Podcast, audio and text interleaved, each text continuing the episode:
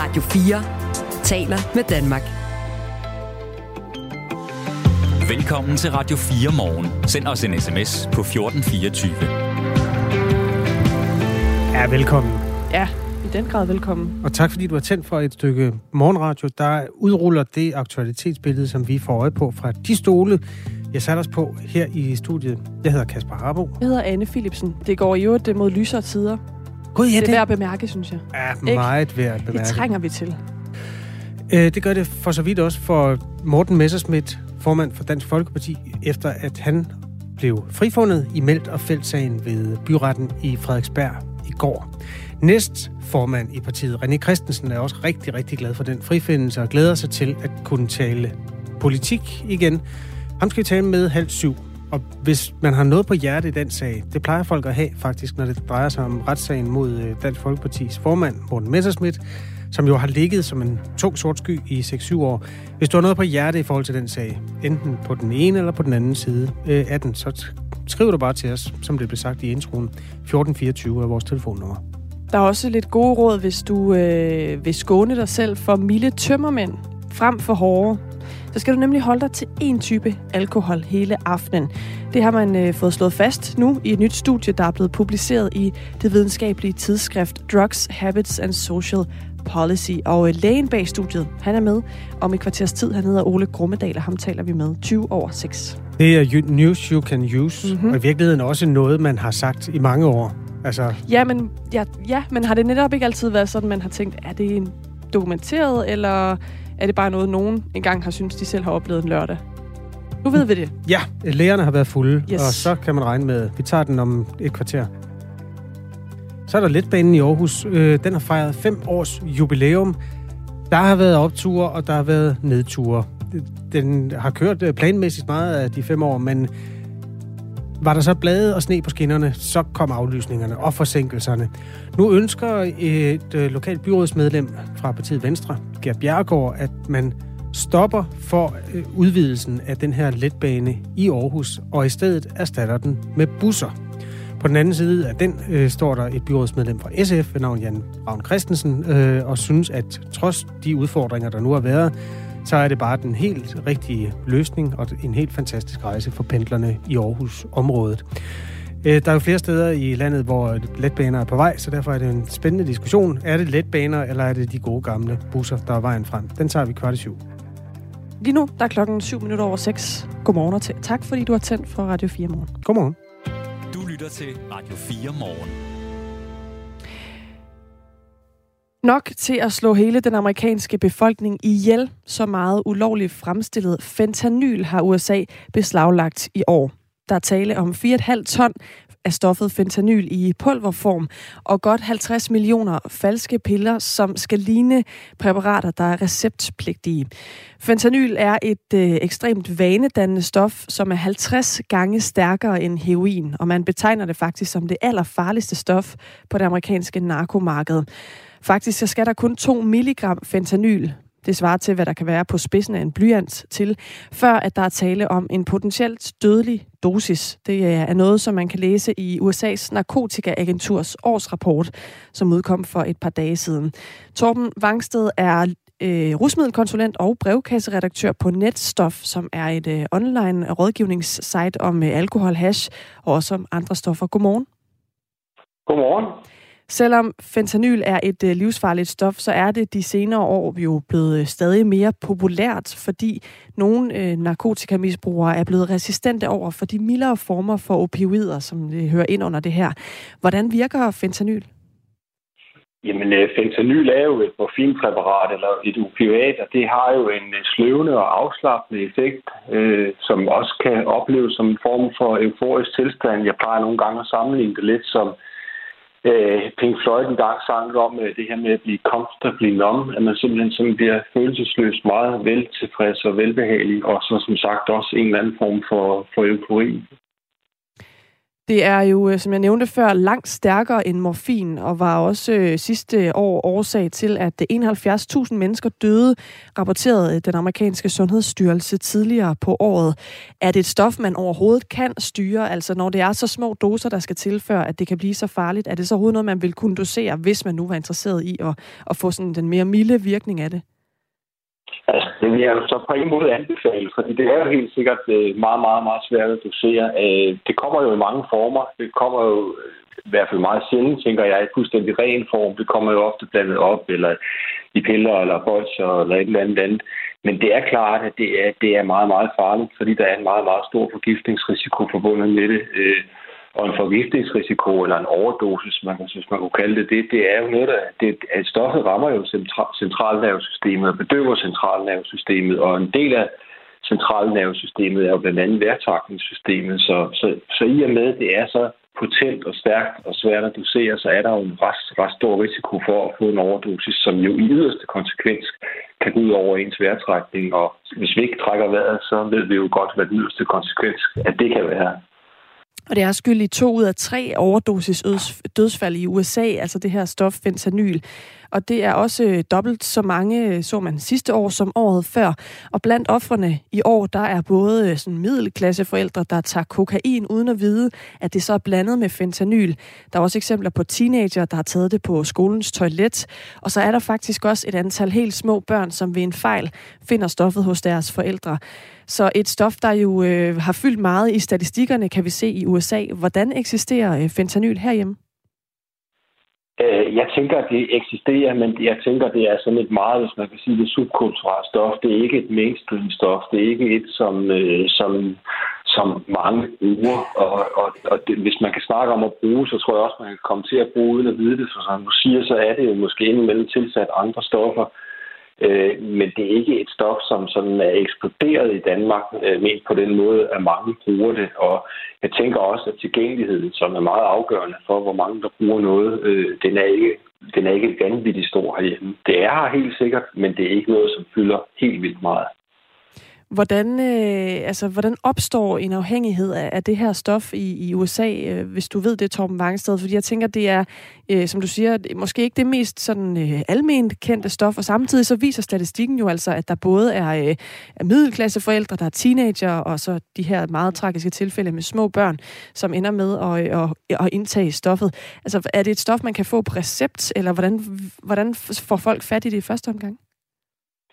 Jamen, jeg ved ikke, om man kan sige, at man kan få det på recept, men det er jo noget, som man bruger medicinsk. Det har jo den her meget, meget bedøvende effekt, som jo, som jo, som jo kan være øh, hensigtsmæssigt at bruge ved folk, der har meget, meget kraftige smerter osv.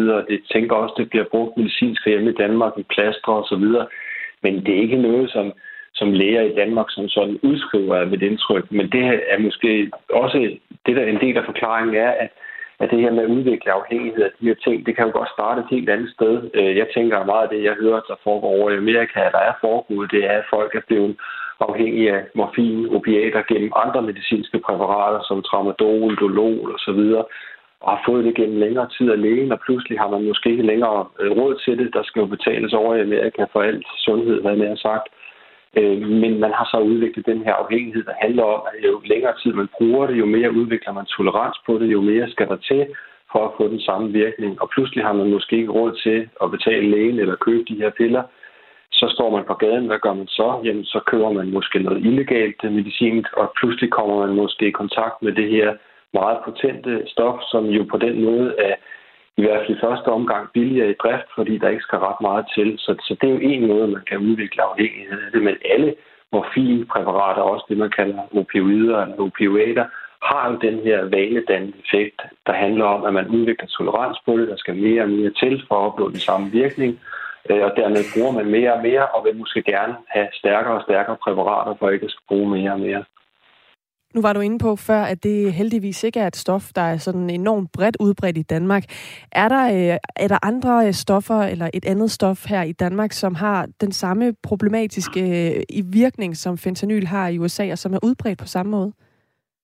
Altså, der er jo i hvert fald stoffer i andre boldgade, som ikke er nær så potente, men som vi er meget bekymrede for, og faktisk også meget i forhold til de unge, og det er jo netop nogle af de her øh, øh, syntetiske morfinpræparater, eller opioider, eller opioider, eller hvad man vælger at kalde det, som for eksempel tramadol og dolol og oxycontin, som er, efterhånden er meget, meget let tilgængelige øh, øh, i, i Danmark, og, og er forholdsvis billige og let at få fat i. Og det er jo en meget, meget, meget, meget, meget vild, mild variant af de her ting, men, men, men det, tager, det, det har den samme effekt, det har den samme afhængigheds... Øh, Øh, risiko og til dels også forgiftningsrisiko. Og det er noget, som, som vi er meget bekymret for, fordi der er en meget stor tilgængelighed af det. Og det tror jeg handler om, at der bliver fremstillet en hel del illegalt af de her produkter, øh, ikke nødvendigvis i Danmark, som bliver eksporteret, eller importeret til Danmark, og som, som i hvert fald vi kan høre mange unge øh, får tilbudt, løber ind i, øh, når de er i byen, når de er til fest, når de er klubber osv. Øh, øh, og, og der, der kan jeg i hvert fald godt have en bekymring, fordi det jo som sagt har den samme afhængighedsrisiko, og i den grad også forgiftningsrisiko, fordi hvis det er øh, illegalt fremstillet piller, man får fat i, jamen, så ved man jo i virkeligheden ikke, hvor stærkt det er.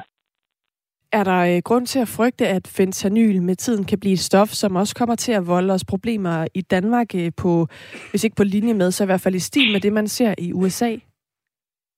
Altså, jeg vil meget, meget nøde male fanden på væggen, og jeg tror ikke, vi er på vej til amerikanske tilstande, men man kan jo aldrig vide. Men, men til gengæld så oplever jeg også, at jeg taler med rigtig, rigtig mange unge. Jeg laver meget forebyggelse og holder mange, mange, mange forebyggelsesoplæg hver eneste år, specielt i Odense, men også i hele resten af Danmark.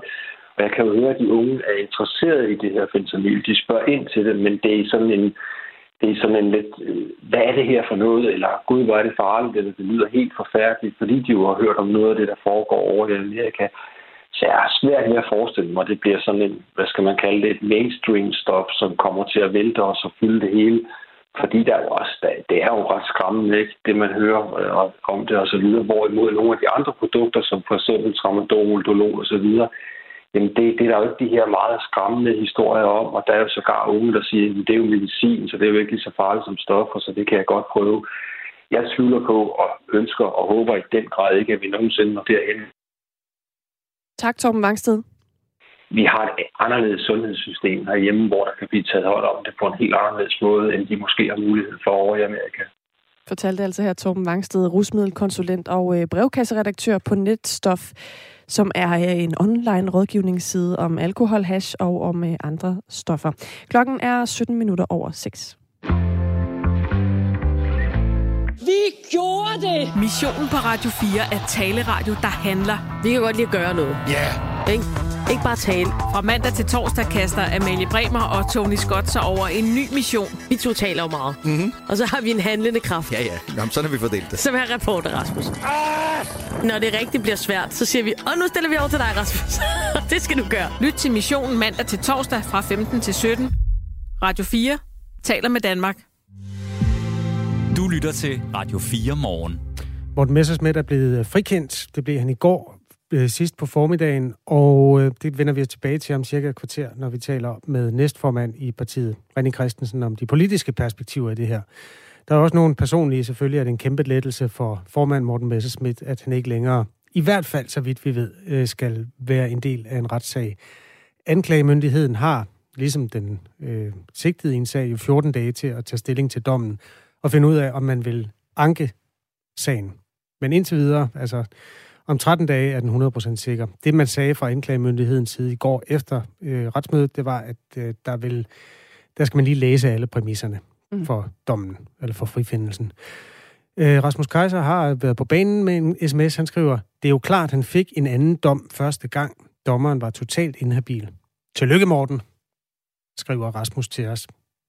Med øh, reference til den første retssag, der jo har endt med at stå som en noget pinlig øh, milepæl i dansk byretshistorie. Dommeren havde på forskellige opslag på Facebook lavet forstå, at han ikke var nogen formand for Morten Messersmiths mm. fanklub. Eller nærmest tværtimod, ikke? Det var øh, Ekstrabladet, der fandt ud af det, efter at den første dom var fattet, som jo mundede ud i en øh, betinget dom til Morten Messersmith. Og det var derfor, sagen gik om. Efter nyhederne mere sådan om de politiske perspektiver i sagen, og hvis du har sådan en reaktion fra rygmarven, ligesom vores lytter Rasmus har, så er du velkommen til at skrive til os. 19 minutter over 6 er klokken. Du lytter til Radio 4 morgen. Det er sæson for en hel masse alkohol i mange familier, og hvis du vil skåne dig selv for, at tømmermændene bagefter bliver alt for hårde, så kommer verdens bedste råd. Nu, hold dig til én type alkohol hele aftenen. Det er slået fast i et nyt studie, som er publiceret i det videnskabelige tidsskrift Drugs, Habits and Social Policy. Ole Grummedal er læge og står bag studiet her. Godmorgen. Godmorgen. Øhm, vi kan komme ind på, hvordan I gjorde. 35 mennesker var med. Øh, de blev delt op i to grupper. Alle fik fri bar, og så den ene gruppe måtte kun drikke den samme type alkohol, mens den anden måtte drikke øh, alt muligt blandet. Og de fik altså ikke samme mængde tømmermænd bagefter. Lad os lige starte med at slå fast, hvad er øh, den lægelige udlægning af tømmermænd?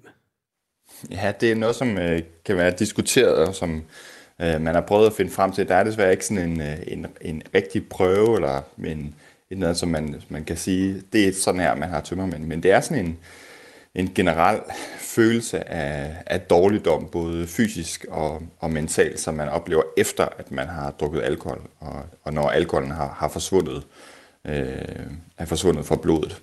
Øh, så det er noget, man, man oplever efter, man har drukket alkohol, og det er sådan en generel mental og fysisk øh, negativ følelse i kroppen. Og den ene gruppe her drak en type alkohol, og den anden gruppe to øh, fra alle hylder. Hvordan havde de det næste dag, de to øh, grupper sådan respektivt? Jamen, øh, vi kunne måle på deres øh, tømmermænd dagen efter, og der kan vi se, at den gruppe, der havde fået lov til at, at blande forskellige typer alkohol, altså vælge øh, øl, vin og spiritus, øh, som de havde lyst, de generelt scorede dobbelt så højt på øh, tømmermandsscoren end dem, den gruppe, som, øh, som skulle holde sig til en bestemt type alkohol dagen efter. Og tømmermandsscoren, nu nævner du, at der både er de fysiske ubehag, og så er der sådan en psykisk ubehag, nedtrykthed eller bundeang over, at man har sagt noget dumt eller sådan noget. Hvad, hvad, hvad måler de på af, af de der parametre der? Jamen, der er faktisk op til flere forskellige tømmermandsscorer, øh, og, som, er, som er valideret, altså som bliver brugt i, i tømmermændsforskning. Øh, og vi, øh, vi brugte en score, hvor man øh, eller en skala, øh, som stiller spørgsmål til forskellige ting, blandt andet øh, kvalme, hovedpine, øh, opkast, øh, træthed, øh, koncentrationsbesvær osv.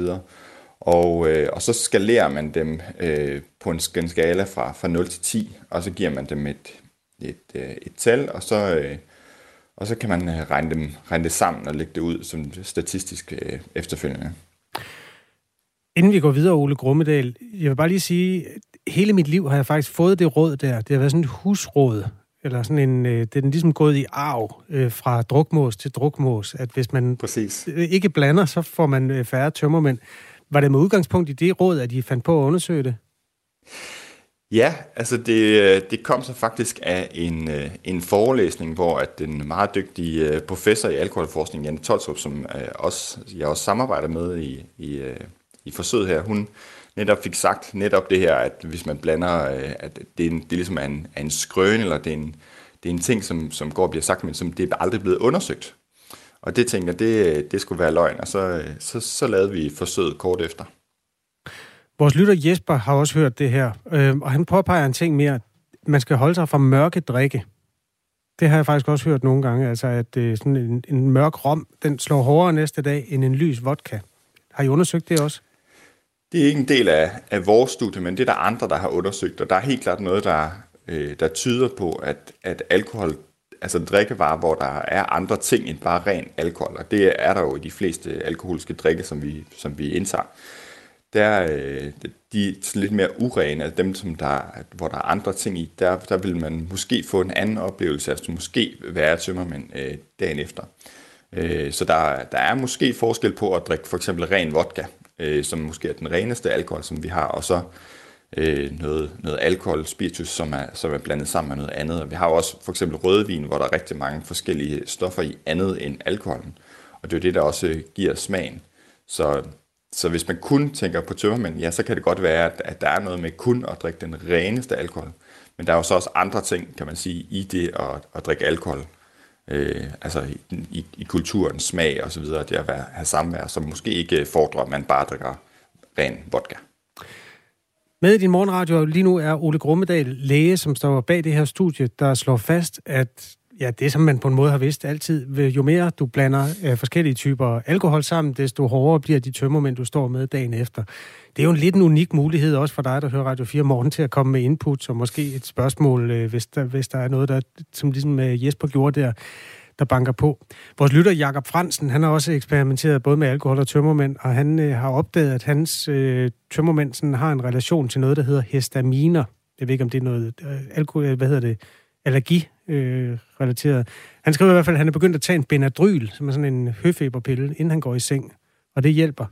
Har du nogen erfaring inden for det, Ole Grønmedal? Det har jeg ikke nogen erfaring med, hverken øh, personligt eller, eller, eller, eller forskningsmæssigt, men det har jeg også hørt før. Okay. Øh, at, at det, er, det er der nogen, der har det, har det godt med. Andre har jo øh, råd med, med salt, altså sørge for at drikke rigeligt med salt, eller tage salt inden de går i seng, drikke rigeligt med væske osv. Øh, generelt så er der ikke et, et vidundermiddel. Der er ikke noget, der man har sådan fundet, der, der virker øh, rigtig godt mod tømmermænd. Det, det man til gengæld ved øh, virker mod at forebygge tømmermænd, det er ikke at drikke alkohol. Ja, det lyder fornuftigt. Øhm, kan du forklare sådan øh, lidt uvidenskabeligt, hvad er det grundlæggende, der gør, at mennesker, der blander meget, får flere tømmermænd?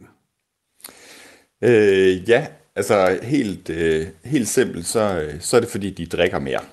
Øh, og det kommer jo ikke bag på nogen, at man får værre tømmermænd, når man drikker mere. Men man kan simpelthen se, at når man får lov til at blande, så bliver man ikke øh, lige så mæt øh, af, af alkoholen, som, som hvis man drikker den, den samme type. Og derfor øh, bliver man ved med at, at indtage alkohol i, i, i længere tid øh, og en større mængde.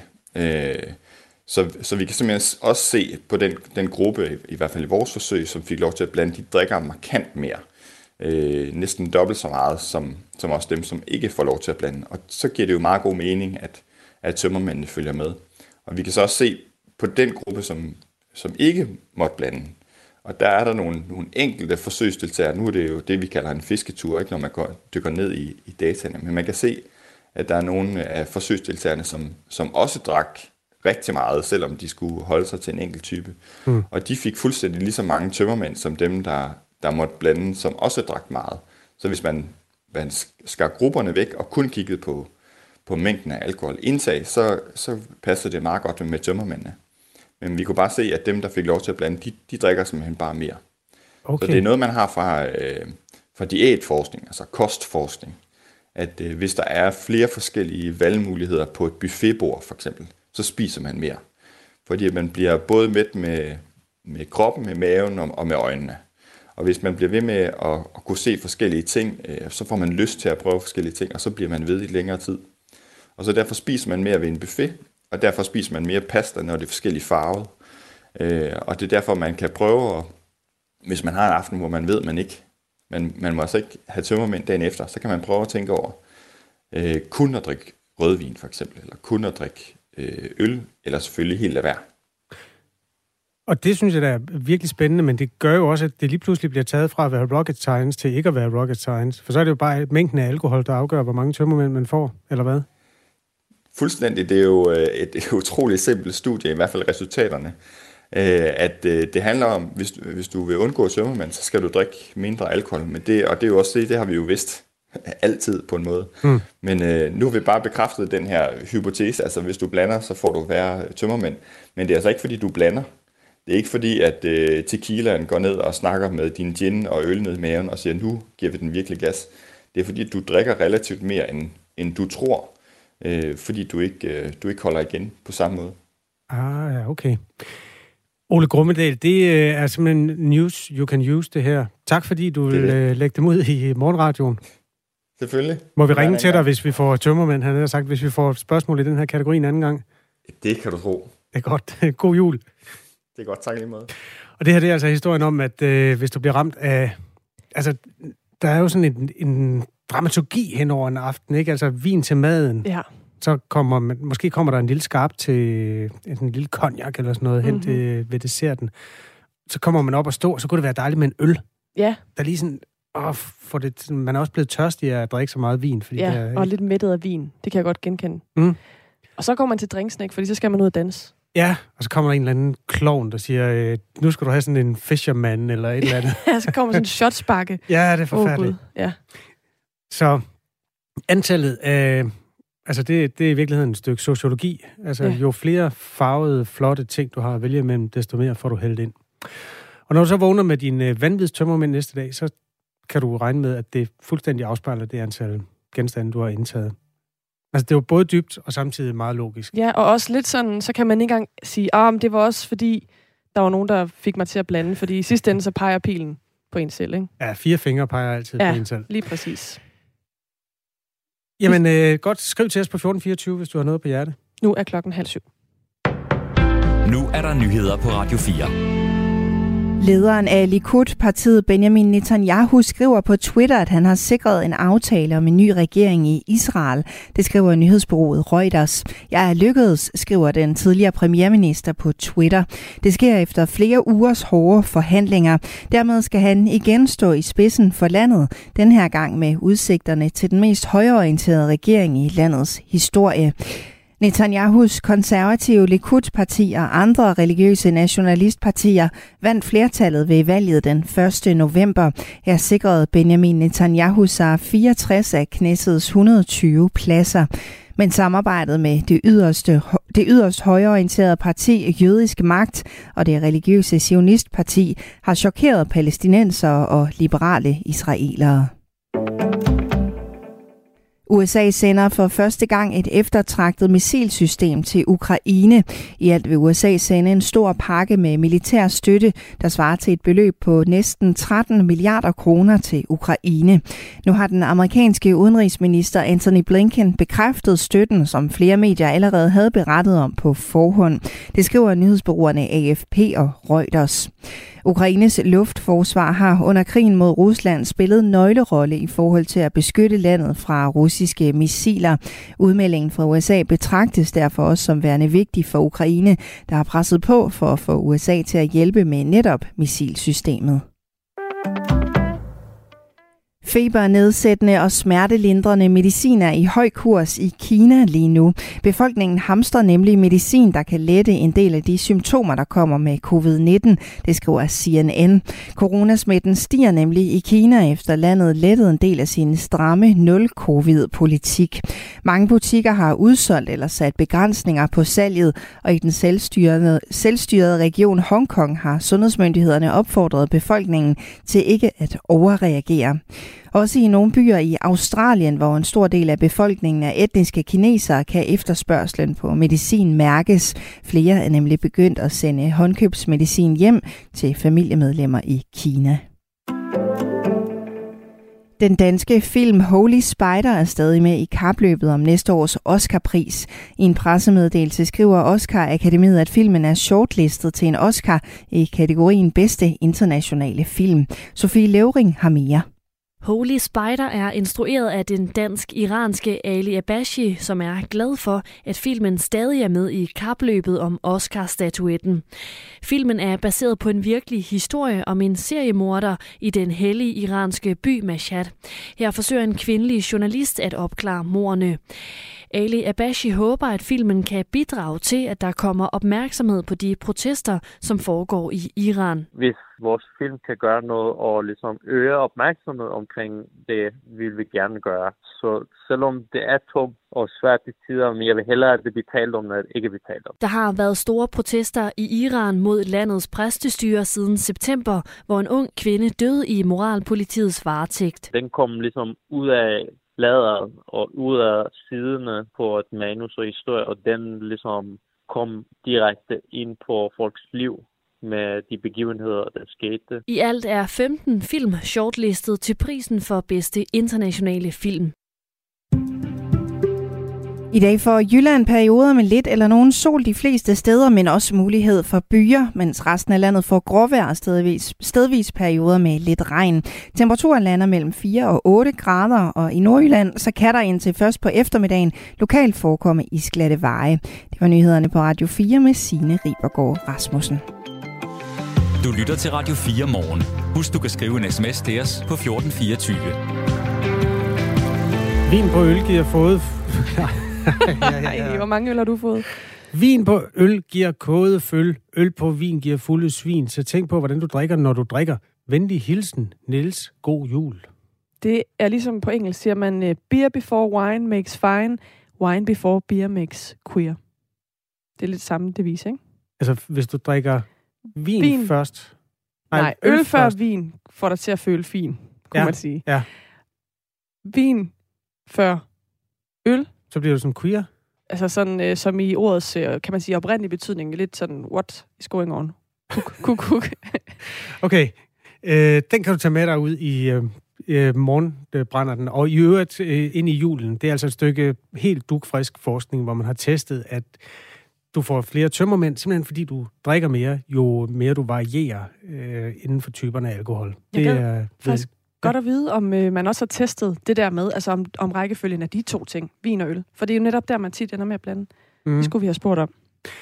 der er noget ubehageligt i at gå fra øl til vin, hvis du spørger mig. Ja, det meget synes skarpt. jeg, ja, det er heller ikke så meget til. Nej. Nej. Øh, jamen, vi er jo alle sammen rigtige mennesker, der har erfaringer med, eller mange har i hvert fald erfaringer med den del af verden. Så hvis du har et, et lille tømmermandsråd, så selvom vi er langt fra nytårsaften, så skriv bare allerede nu, så kan vi klæde hinanden på til den del af det også. Klokken er 6 minutter over halv syv. Det her er Radio 4 Morgen med Anne Philipsen og Kasper Harbo. Radio 4 taler med Danmark. Der afsiges nu dom i sagen, og dommen den lyder således. 10 kendes for ret. De tiltalte Morten Messerschmidt og Søren Peter Jensen frifindes. Statskassen skal betale sagens omkostninger. Værsgo. Sådan lød det i går i Frederiksberg, øh, eller på Frederiksberg, da Morten øh, Messerschmidt, altså formand for Dansk Folkeparti, blev frifundet i Melterfeld-sagen. Rørt og meget lettet, da han mødte pressen bagefter. Fordi det er syv år, altså, hvor man, øh, hvor man hver dag har haft det her øh, hængende over sig. Øh, og ikke bare over mig, men også over partiet, og dermed over nogle folk, som jeg holder rigtig, rigtig meget af. Og også folk i familien, folk jeg elsker. Og det at gå rundt med det i syv år, øh, det er tungt. René Christensen, godmorgen. Godmorgen. Næstformand i Dansk Folkeparti. Hvordan var det for dig at øh, høre den her frifindelse i går? Jamen, det var også en forløsning, øh, og sådan et å, der, jeg tror, der gik fra alle skuldre. Morten har haft et meget, meget stort å, men, men det har jo ligget på os alle sammen også, så, så øh, vi var glade i går, fordi nu kan vi jo komme ud og lave det, vi er i politik for. Det er jo ikke for at køre sager i retssalen, det er jo for at lave politik for Danmark. Morten Messerschmidt er jo en mand, der er, har overkommet de utroligste ting. Han er jo en meget, meget arbejdsom mand. Hvordan har det påvirket ham, sådan som du oplever ham sådan på det personlige plan? Ja, det er jo svært for mig at sige sådan, men altså, øh, han har stadigvæk været meget idérig. Øh, selvfølgelig har han det, men selvfølgelig har man også kunne mærke på ham indimellem, at, at der selvfølgelig har været det her å ovenpå. Og så sammenholdt med de andre udfordringer, der har været i vores øh, parti, som heldigvis også er slut nu, så har der været et enormt pres på ham. Øh, så jeg er rigtig glad på hans vegne, men jeg er også glad på partiets vegne, at det at være formand for et parti, det, det fylder selvfølgelig meget, og det kræver rigtig meget, og det får han jo øh, mere plads til nu, så, øh, så jeg er meget fortrøstningsfuld. Retsformand Søren Hafstrøm slog altså i går fast, at både han, sagens anden dommer, og de tre domsmænd, og det er altså fem dommere i alt, var enige om afgørelsen, som var en frikendelse. Morten Messerschmidt og hans tidligere assistent, som også blev nævnt i lydklippet før i Bruxelles, var jo altså anklaget for dokumentfalsk, og for at øh, have svindlet med godt 100.000 kroner i et EU øh, støtte, eller 100.000 EU-kroner. Det er en centralt spørgsmål var, om der blev holdt et EU-seminar på partiets sommergruppemøde for syv år siden. Øhm, hvad har I lidt sådan, øh, lært hos Dansk Folkeparti af den her sag, hvis man kan tage noget positivt med derfra? Ah, det kan man ikke rigtigt. Jeg tror ikke, man kan tage noget positivt med derfra som sådan. Øh, det, det synes jeg egentlig ikke, man kan. Øh, jeg tror egentlig meget, at den her sag den blev sådan principiel øh, for, for EU-systemet i hvert fald. Øh, og så blev den også meget langt desværre. Øh, det var jo både i EU, den lå i, i flere år, men den lå jo faktisk også i Danmark i rigtig mange år, altså hos politimyndigheden. Og det har jo været en, en stor udfordring først, som Morten siger. Øh, altså det er syv år, øh, den her sag har taget, og, øh, og det, det betyder rigtig meget for, for personen, men jo også for, for hele Mortens måde at kunne agere på som politiker. Der har det jo været over for ham. Så Så jeg håber bare, at der ikke kommer øh, flere af de her sager for nogen. Øh, der var jo sådan en, en, hvad skal man sige, en tid for nogle år tilbage, hvor, hvor en del partier fik mulighed for at betale nogle penge tilbage, man ikke havde fået brugt helt øh, retmæssigt, eller man ikke havde fået annonceret det korrekt. Eller der, der er nogle meget strenge regler for på EU-midler. Øh, og dem tror jeg da ikke, der kommer flere, hverken fra Dansk Folkeparti eller fra nogle andre partier. Øh, så, så på den måde har den jo i hvert fald været principiel. I de syv år, den sag har levet, er den Folkepartis tilslutning blandt vælgerne ved Folketingsvalget gået fra godt 21 procent til 2,6 procent. Hvor mange af de tabte stemmer skyldes den her sag, tror du? Jeg tror faktisk ikke, øh, det er der at lave mange analyser på, ikke nogen vi selv har lavet, men, men presse og andre. Øh, man kunne se dengang, da sagen kom, der faldt vi faktisk lidt i meningsmål, men så rettede det sig faktisk igen. Øh, og så fik vi jo et kanonvalg der i 2015, øh, og så begyndte det at, at, at rulle stille og rulle nedad. Ja, og så, hvad hedder det, øh, må man jo sige, at øh, der var mange andre ting desværre i, i Dansk Folkeparti. Personlige trækasserier og alt muligt andet. Og så kom vi her til det sidste folketingsvalg her, hvor vi jo desværre jo fik målinger helt ned på 1,8 og 1,9 procent, øh, altså under spærregrænsen. Mm. Og der fik vi så heldigvis et valg, hvor vi fik valgt fem øh, Jamen, det ved vi godt, René, men nu spørger jeg lige igen. Altså, det er fordi, I siger, at det har ligget som en skygge hen over Dansk Folkeparti. Mm. Hvor mange stemmer har det kostet? Ja, det, det kan jeg jo simpelthen ikke svare på. Altså, det ved jeg ikke. Hvad tror det du? Har været, det, har ikke, det har ikke været omkostningsfrit. Altså, det vil være naivt at sige. Selvfølgelig har det, har det kostet noget. Men, men sammenlagt med det hele, det er jo nogle gange det der, når man får den der perfekte storm. Man har både sådan en sag med EU-midler, så har man nogle mennesker, der pludselig kommer til at ja, nærmest havde hinanden. Og, og det hele lagt sammen, så fik man jo det der samsurium af noget, der ikke fungerede særlig godt, hvilket faktisk også var rigtigt. Så, så derfor var det virkelig, øh, jeg har sagt til nogle af dine kollegaer i går, den der følelse, jeg havde, da jeg hørte, det var ligesom det, når, når, når det danske landshold scorer det, det afgørende mål. Altså man sidder sådan helt spændt, og så kommer den der forløsning. Altså sådan havde det virkelig. Jeg blev virkelig glad på, på Mortens vegne og egne vegne og på partiets vegne i går. Det, der er gået forud i de syv år, er jo også en dom, der blev omstødt eller ugyldiggjort, mm. fordi der var en dommer, der øh, havde tilkendegivet på mange sociale platforme, at han ikke brød sig om uh, Morten Messerschmidt. Og dermed kunne der rejse spørgsmål ved, om han var inhabil i sagen, og derfor gik den om. Hvordan står det tilbage for dig som øh, medlem af et retssamfund, at, at det hele blev forlænget med sådan en, en periode, der jo har endt med at være noget af et selvmål for retssystemet? At det, det er da meget uheldigt, øh, at, øh, at den ikke blev afgjort på den her måde ved, ved, den, ved den første øh, gang. Og det havde nok også betydet noget for os jo i forhold til det folketingsvalg, som vi lige har gået igennem. Så, så det har der haft store konsekvenser for Dansk Folkeparti. Øh, og så skal man jo også sige, vi, eller Morten førte jo også et andet forsvar den her gang, end de gjorde første gang. Så øh, jeg tror egentlig, sådan har jeg det i hvert fald.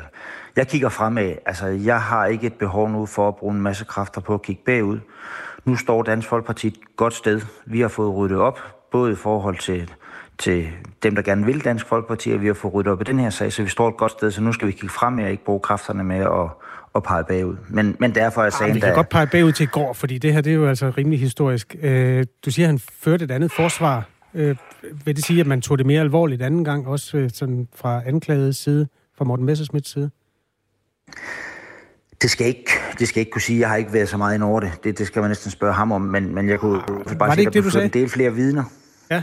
Jo, jo, jo jamen, det er rigtigt. Jamen, det gjorde der jo også. Det kunne jeg jo se. Øh, og, øh, og så var der også kommet nogle andre ting frem. Blandt andet den her lydfil, jo, hvor han også siger, der var et EU-seminar og de her ting. Altså, så, så, så der, var, altså, der var meget mere øh, på, øh, øh på dagsordenen, også fra forsvars side øh, den her gang. Øh, om det er det, der har afgjort det, eller hvad, det skal jeg jo ikke kunne sige. Øh, men, men jeg har også været ved at jeg siger, at, altså, det var da meget, meget uheldigt af den dommer, når han nu havde den politiske holdning, og den må han jo faktisk gerne have, ikke selv havde valgt at sige, at det er nok ingen sag, jeg skal dømme, for jeg bryder mig ikke så meget om den her person, som er på anklagebænken. Det kunne han jo bare have sagt. Det ville jo have været fair nok. Det her, det kommer du sikkert til at glide af på, som du er så dygtig til, René Christensen. Men nu skal jeg spørge dig. Øh, hvis Morten Messersmith var blevet dømt, så var du øh, som næstformand jo måske et meget naturligt valg som ny formand i Dansk Folkeparti. Hvilke overvejelser havde du gjort dig om det forud? Ja, det havde jeg faktisk gjort mig en del overvejelser om, for det var jo øh, en risiko. Vi håbede jo alle sammen på, at, øh, at Morten blev frikendt, men man sad jo også med den der tvivl. Det kunne jo også godt være, at han ikke blev. så det havde det gjort ret stor overvejelse om. Altså, jeg er jo blevet næstformand, ikke fordi jeg sådan har kæmpet mig ind til det, og, og meget gerne ville vælge Morten og blive formand for vores parti. Jeg er jo blevet næstformand, fordi jeg gerne vil hjælpe mit parti, og fordi jeg er, hvad hedder det, partimand og medlem af DF. Og så blev jeg ikke valgt ved sidste folketingsvalg. Og så er det en rigtig god position at have til at kunne udtale sig og have den her politiske vægt bagved. Så det var ikke et ønskescenarie for mig, at Morten øh, ikke skulle være formand. Altså det her, det var det ønskescenarie, jeg havde. Så, øh, så jeg var rigtig, rigtig glad i går. Hvor stiller det sig dig så nu øh, i Dansk Folkeparti? Altså samme sted som næstformand og politisk kandestøber, eller hvad? Ja, altså jeg er jo blevet inviteret med, kan man sige, selvom jeg ikke fik mit folkelige mandat jo, fordi at jeg blandt andet har har forhandlet jo for Dansk Folkeparti på alle de store aftaler de sidste 10 år, øh, og så selvfølgelig også, fordi vi kun blev valgt fem. Altså, så når vi har gruppemøder, så griner vi det lidt nogle gange, og så siger at øh, jeg er sådan det der halve mandat, det vi også har med, ikke? Øh, mm. og så smiler vi lidt af det, men, men jeg er jo glad for, at mit parti kan, kan bruge de kompetencer, som jeg har. René Christensen, øh, du skal have tak, fordi du vil være med til at lægge den ikke i graven, men i hvert fald hen på kanten af graven. Sagen er jo den, der er to uger til, at øh, beslutte, mm. om man vil anke dommen fra anklagemyndighedens side. Og den melding, der kom i går, var, at man ikke havde besluttet det endnu. Øh, anklageren, der hedder Rasmus Mor Hansen, han vil først have nærlæst den 28 sider lange dom. Hvad vil det betyde for dig, hvis der kommer en øh, anke til landsretten og en forlængelse på et halvt til et helt år? Ja, det ville være en katastrofe, men det ville det faktisk også sådan retsmæssigt. Øh, for man kan sige, en sag af den her størrelse, øh, som har taget syv år, øh, der må man jo sige, at selvom Morten Messersmith er blevet frikendt, så har straffen jo været enormt hård øh, for ham og, og også vores parti. Så jeg kan slet ikke forestille mig, at man ville trække den her sag i langdrag endnu en gang. Men øh, lad os se, hvad der sker. Men det er jo helt formelt rigtigt, at øh, hvad hedder det, anklageren selvfølgelig har de her 14 dage. Øh, så, så der er jo ikke noget sådan i det. Men øh, jeg er da enig i, der er der sådan en, en lille smule, der, der kunne gå galt endnu, men det kan jeg slet ikke forestille mig, det gør. Jeg skulle lige til at sige farvel, René Christensen, men nu kom der lige et spørgsmål. Der er en, der skriver, ved man om sagen kan kobles sammen med nogle af de personlige kampe, der har været i partiet? Det er vores lytter Jesper, der også har fulgt Dansk Folkepartis øh, interne historie, hvor der har været sådan, man har ikke trukket helt på samme hammel altid, og nogle gange, når uheldige ting kommer frem, så handler det også om, at loyaliteten i maskinrummet ikke er, er lige stor. Hvad, hvad tror du om det? Altså er der noget af det, der er kommet frem, eller hvad skal man sige, at, at det manglende sammenhold også betyder, at den her sag har vokset sig større? Hmm. Ja, både og kan man sige. Altså, da, da sagen skete, altså da man afholdt mødet, var der jo ikke noget. Der var jo super god stemning i Dansk Folkeparti, ingen tvivl om det.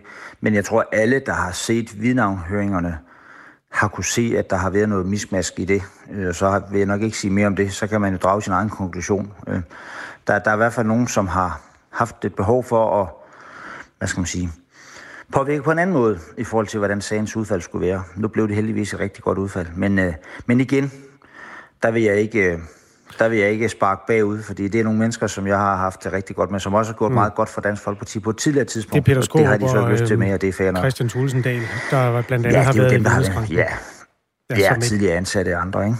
Ja. Godt, ja. René Christensen. Øh, ha' en god dag. Tak, fordi du var med her. Ja, og i lige måde. Tak skal du have. Vi har selvfølgelig forsøgt at få Dansk Folkepartis formand, frikendte Morten Messersmith, selv med i programmet. Det øh, havde han simpelthen ikke tid til, øh, siger øh, man hos pressetjenesten. Og som sagt, anklagemyndigheden har ikke endnu tilkendegivet, at øh, dommen kommer til at blive stående. Man har ikke besluttet, om man vil anke den. Men øh, det skal vi nok fortælle lige så snart, at, at den del af det også falder på plads. Det må jo være i alles interesse, at den beslutning bliver taget hurtigt, så man kan komme videre. Klokken er 12 minutter i syv. Du hører Radio 4 morgen. Du lytter til Radio 4 morgen. Vi har faktisk fået post fra øh, Ole Grummedal, lægen, vi talte med lidt tidligere, øh, om øh, det her øh, nye studie, der viste, at man får flere tømmermænd, når man blander forskellige typer af alkohol. Så var der øh, en, der skrev ind øh, med den her, det her gamle øh, mundhæld, har jeg lyst til at sige, med at man skal øh, drikke, øh, hvordan er det? Hvad var det? Øl først. Øl før vin. Ja. Og ikke vin før øl. Uh, win? Nej. Beer before wine makes fine. Ja. Ja. Præcis. Og øh, nu har Ole Grummedal så skrevet ind, fordi øh, han hørte, vi sagde, det skulle vi da have spurgt om, om der er nogen, der har bevist det. I en stor undersøgelse blandt hollandske studerende bestemte man rækkefølgen af først øl og vin, og senere vin og øl, og så målte man tømmermændene dagen efter. Og der er ingen forskel på tømmermænd, uanset hvilken rækkefølge du vælger, skriver Ole Grummedal ind på sms'en. Og det er vel at mærke, hvis du er hollænder. Så. Ja, så satser vi på, at øh, vi har et vist slægtskab der med dem. Godt. Mathias Bunde er kommet i studiet, reporter på Radio 4 Morgen, og øh, sidder dermed og er ved at sætte øh, nogle forskellige ting op, som vi kan øh, vende os mod lidt senere på morgenen. Hvad er der i støbeskeen lige nu? Ja, altså jeg sidder og arbejder på, øh, på en historie, som øh, BT øh, havde. Den starter egentlig fra, at øh, her i starten af sidste måned, øh, eller i den her måned, der, der præsenterede øh, regeringen, den nye regering, øh, SVM-regeringen, en økonomisk håndsrækning til de familier, som har det sværest. Altså der blev afsat 50 millioner kroner som tilskud til de organisationer, som uddeler julehjælp. Mm-hmm. Øh, men nu kan BT afsløre, øh, at 25 millioner kroner af de 50, de bliver så taget fra en pulje, der kaldes det specialiserede socialområde, og det er altså penge, som blev lovet til handicappede i finansloven fra i år. Så der kommer øh, flere penge til dem, øh, der søger julehjælp, men de penge de bliver så taget fra handicapområdet. Øh, og det er der selvfølgelig nogen, der er ude at kritisere. Det bliver kritiseret fra begge fløje, begge politiske fløje, og så, og så bliver det også kritiseret fra Muskelsvendsfonden. Som er måske repræsenterer nogle af dem, der kunne have fået del i de penge. Ja, ja. Præcis. Øhm, og jeg har selvfølgelig prøvet at få øh, ministeren, øh, Pernille rosenkrantz teil øh, til at stille op til et interview her til morgen, men øh, jeg kan allerede nu fortælle, at det kommer ikke til at ske. Hun har afvist, eller hendes pressetjeneste har afvist at stille op til interview øh, her til morgen. De har okay. simpelthen ikke lyst. Nej. Øhm, så vi prøver selvfølgelig at få nogle andre politikere på, den, øh, på den her nyhed, og så prøver vi også at få fat i Muskelsvendsfonden og få dem med. Spændende. Jamen, øh, vi vender jo tilbage senere og ser, hvordan den øh, lander, den historie. Tak, fordi du lige øh, var forbi her, Mathias Bunde. Lige nu er klokken 10 minutter i syv. Du lytter til Radio 4 morgen. I København, der er de i gang med at bygge en letbane. I Odense, der kører den, og det gør den også i Aarhus, men måske ikke lige så langt, som man havde planlagt i første omgang. I hvert fald så er der lige nu uenighed i Aarhus Byråd om, hvorvidt den flere milliarder kroner dyre letbane overhovedet har været en succes eller ej. Den første strækning går fra Hovedbanegården i Aarhus og til Universitetshospitalet, og den har netop kunnet fejre fem års jubilæum.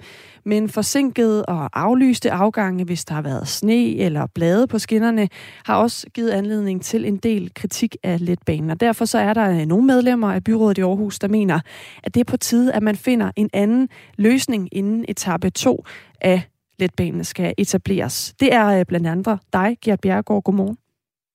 Morgen. Medlem af byrådet i Aarhus for Venstre, og også medlem af teknisk udvalg. Hvorfor mener du, at man skal sadle om og finde en anden løsning, inden man øh, går videre med, med den anden runde af letbanen? Jamen, det har jo vist sig, at øh, den første etape, som nu har kørt i fem år, har været en øh, fiasko. Du har selv opremset øh, så simple ting som, øh, at man øh, har problemer, når at øh, der er lidt frost i udsigt. Øh, man har ikke et ordentligt afrimningssystem. Det betyder stop, og det betyder, at passageren kan ikke regne med, at letbanetog kører. Så det opviser sig, at øh, det at anlægge en øh, letbane er meget, meget dyrt, og vi har jo overskrevet budgettet markant i Aarhus. Og så er det bare ikke det antal passagerer, som vi forventede. Så summen er, at det har været en fiasko at anlægge den her første etape. Og hvorfor så øh, øh, gør en fejl to gange, det mener vi i hvert fald ikke i Venstre. Så hvad skal man i stedet gøre? Jamen, vi har jo foreslået, at øh, man kigger til andre steder, for eksempel Aalborg.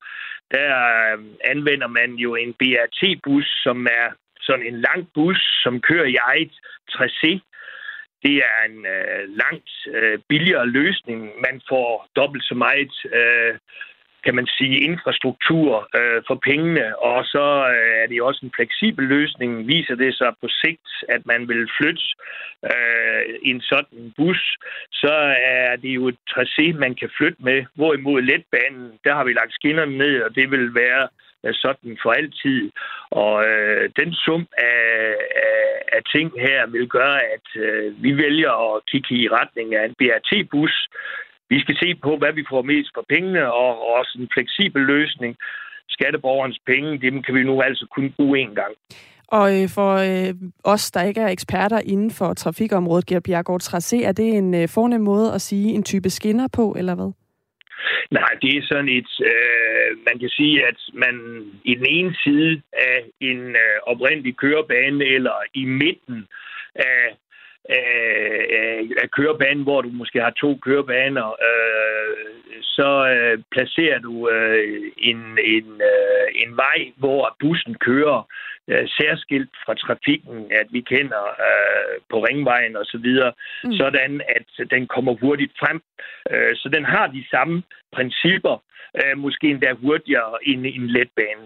Godt. Vi skal også lige have en anden stemme ind i den her debat. Godmorgen, Jan Ravn Christensen. Godmorgen. Medlem af byrådet i Aarhus for SF.